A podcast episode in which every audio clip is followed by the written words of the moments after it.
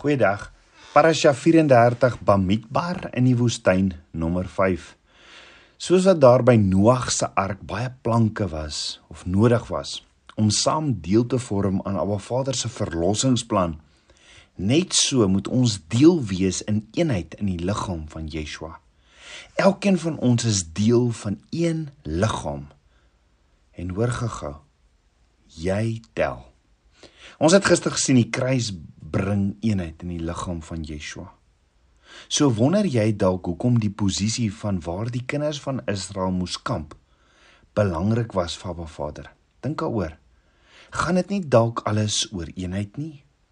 Want in Numeri 1 vers 52 sê Abba Vader, die seuns van Israel moet hulle tente opslaan, elkeen in sy eie kamp en elkeen by sy banier, volgens hulle leerafdelings.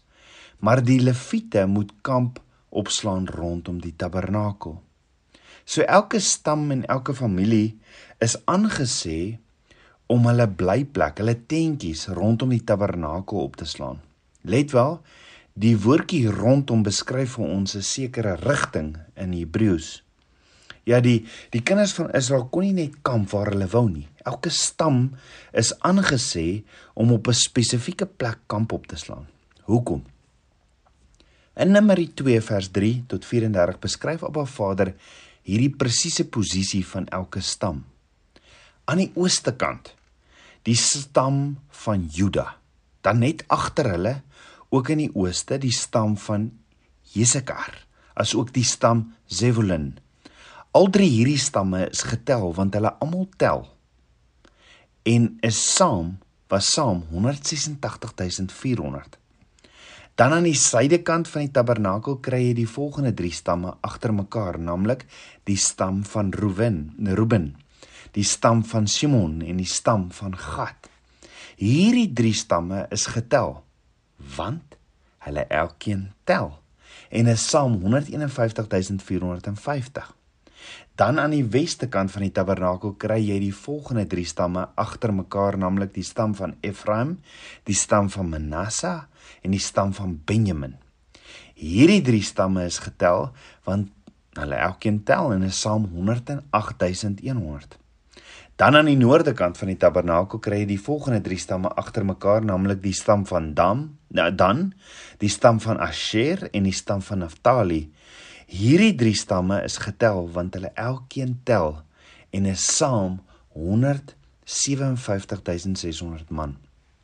Dan reg rondom die naaste aan die tabernakel aan die ooste, suide, weste en die noorde kant reg rondom was die stam van Levi, die priesters. Sjoe, so kyk jy na die prentjie. Hoe Abba Vader vir die kinders van Israel sê om te kamp dan sien jy iets amazing. Jy gaan sit jy die stamme agter mekaar met die hoeveelhede wat getel is van elke stam. Kamp hulle deur die woestyn vir 40 jaar in die vorm van 'n kruis. Ja, kruis in die middel van die woestyn en in die middel van alles die tabernakel. Daar waar Ba Vader saam met sy kinders wandel. Is dit per toeval? Nee. Dis meer toeval Abba Vader se lig.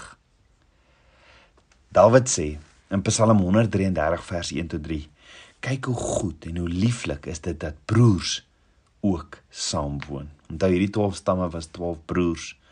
En Dawid sê kyk hoe goed en hoe lieflik is dit dat broers ook saamwoon. Dit is soos die kosbare olie op die hoof wat afloop op die baard, die baard van Aaron wat afloop op die soem van sy klere. Dit is soos die dou van Hermon wat neerdal op die berge van Sion, want daar gebied die Here die seën, die lewe tot in ewigheid. Nou in hierdie Psalm beklemtoon Dawid die groot betekenis van geestelike eenheid en eengesindheid onder ware broeders. Dit word bewerkstellig deur die Heilige Gees, Ruach HaKodes. En Abba Vader se asem wat in ons harte werk om ons te vernuwe en te ver, vervul sodat ons as geesgenote in Abba Vader kan saam staan en saamwerk om Abba Vader se koninkryk op aarde uit te brei en te bou. Nou hierdie geestelike eensaamheidsband is soos die kosbare olie wat afloop op die baard van Aaron en verder tot by die soem van sy kleed. En let wel, hierdie olie het ook oor die borsplaat geloop wat hy as hoëpriester gedra gedra het waarop die name van die 12 stamme van Israel gegraveer was. En ons weet die 12 stamme van Israel is ook die bruid van Yeshua, nê. Nee. Let wel die werking van die olie vergelyk Dawid met dou wat op die berg neerdal van Hermon in die noorde wat dan afdaal op die berge van Zion neer. Die dou verfris en versterk al die plante waarop dit val en so het ons ook gedurig nuwe salwings deur die Heilige Gees nodig om ons te bemoedig, te inspireer en te versterk met die krag van Abba Vader. So hoekom nie hierdie Shavuot Pinkster vir Abba Vader vra om so sy olie oor ons as die liggaam van Yeshua te kom giet nie sodat ons kan funksioneer all according to purpose. His purpose. So ons het sopas gesien reg rondom naaste aan die tabernakel aan die oos suid wes en noorde kant was die stam van Levi die priesters Ons weet ook Abba Vader sê vir Moses in Numeri 1 vers 49 tot 50 net die stam van Levi moet jy nie tel nie en hulle volle getal onder die kinders van Israel nie opneem nie, maar stel jy die leviete aan oor die tabernakel van die getuienis en oor al sy gereedskap en oor alles wat daarbey behoort. Hulle moet die tabernakel dra en alles wat daarbey behoort en hulle moet dit bedien en rondom die tabernakel laar opslaan. So hierdie leviete moet die die tabernakel op 'n Vader se teenwoordigheid met die kinders van God nê. Hulle moet dit dra en hulle moes dit gedra het op 'n spesifieke manier op hulle skouers. En net so moet ons as priesters op 'n Vader se teenwoordigheid dra. Jy sien die leviete het weens hulle getrouheid tydens die goue kalf gebeure en uitgesoekte plek uit hulle uitgesoekte plek ingeneem. Onthou toe Moses by Berg Sinai afkom en sien dat die kinders van Israel die goue kalf aanbid het, het Moses in die poort van die kamp gaan staan en gesê in Eksodus 32 vers 25 tot 29: Wie vir die Here is, kom na my toe. En toe het al die seuns van Le uh, Levi by hom versamel. So hy vra: Wie vir die Here is, kom na my toe. Toe het al die seuns van Levi by hom versamel. En hy het vir hulle gesê: So spreek die Here, die God van Israel: Laat elkeen sy swaard aangord aan sy heup gaan heen en weer van poort tot poort in Laar en laat elkeen sy broer en elkeen sy vriend en elkeen sy naaste doodmaak. En die seuns van Le Levi het gehandel volgens die woord van Moses en daar het van die volk op die dag omtrent 3000 man geval.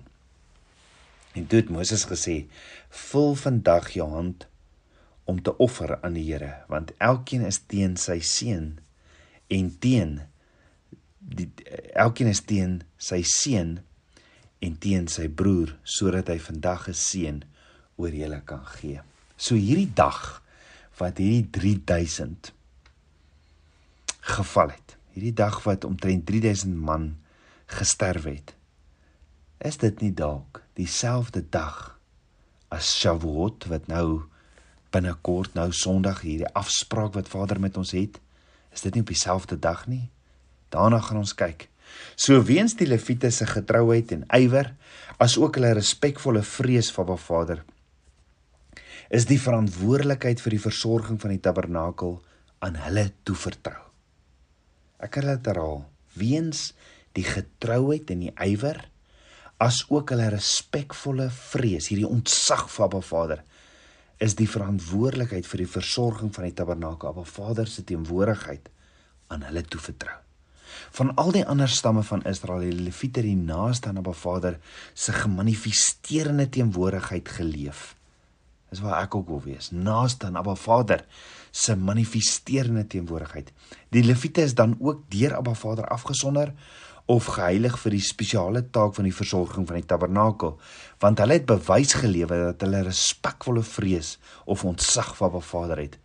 Daarom is die Lewiete ook afsonderlik getel Daar was 'n duidelike onderskeid tussen die Lewiete en die res van Israel. Naba Vader sê vir Moses in Numeri 3 vers 15 tot 16 tel die seuns van Levi volgens hulle families, volgens hulle geslagte, almal wat manlik is van 'n maand oud en daarbo, die moet jy tel. en Moses het hulle volgens die bevel van die Here getel soos dit hom beveel is. Die Lewiete het beide die volk en Abba Vader verteenwoordig. En daarom het hulle ook die taak gehad om die volk Abba Vader se woord te onderrig. So in Levitikus 10 vers 11 sê Abba Vader vir Aaron om vir die Lewiete, die priesters te sê en julle moet die kinders van Israel leer al die insettinge wat die Here deur die diens van Moses aan hulle verkondig het. Met ander woorde die Lewiete was die geestelike leiers want Numeri 3 vers 12 tot 13 sê Abba Vader vir Moses kyk ek self het die Lewiete geneem onder die kinders van Israel uit in die plek van al die eersgeborenes wat die moederskoot open uit die kinders van Israel dat die Lewiete myne kan wees. Want al die eersgeborenes is myne. Op die dag toe ek al die eersgeborenes in Egipte land getref het het ek al die eersgeborenes in Israel vir my geheilig. Mense sowel as die diere hulle moet myne wees. Ek is Jahweh. Jy sien hoewel Abba Vader die Lewiete op hierdie besonderse wyse vir hulle getrouheid vereer het, het dit nie gepaard gegaan met materiële materiële materiële vergoeding nie. Hulle het geen grondgebied ontvang nie en kon dus nie rykdom op die wyse vir vir vererwe nie.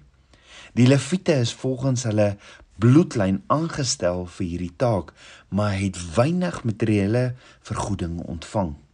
So die levitiese priesterorde is met die kruisdood en die opstanding van Yeshua vervang met 'n koninklike priesterdom volgens die orde van Melchisedek. Yeshua is ons ewige hoëpriester en net so moet ons aan Yeshua se definisie van 'n disipel voldoen. Hæ? Huh? Wat is Yeshua se de definisie van 'n disipel?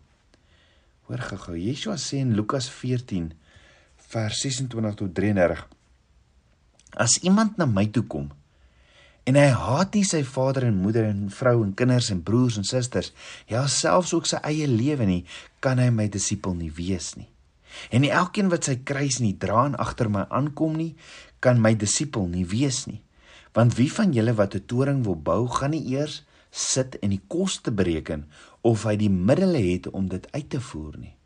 Sodat as dit die fondament gelê het en nie in staat is om dit te voltooi nie, almal wat dit sien, nie miskien met hom sal begin spot en sê hierdie man het begin bou en kon nie klaar maak nie.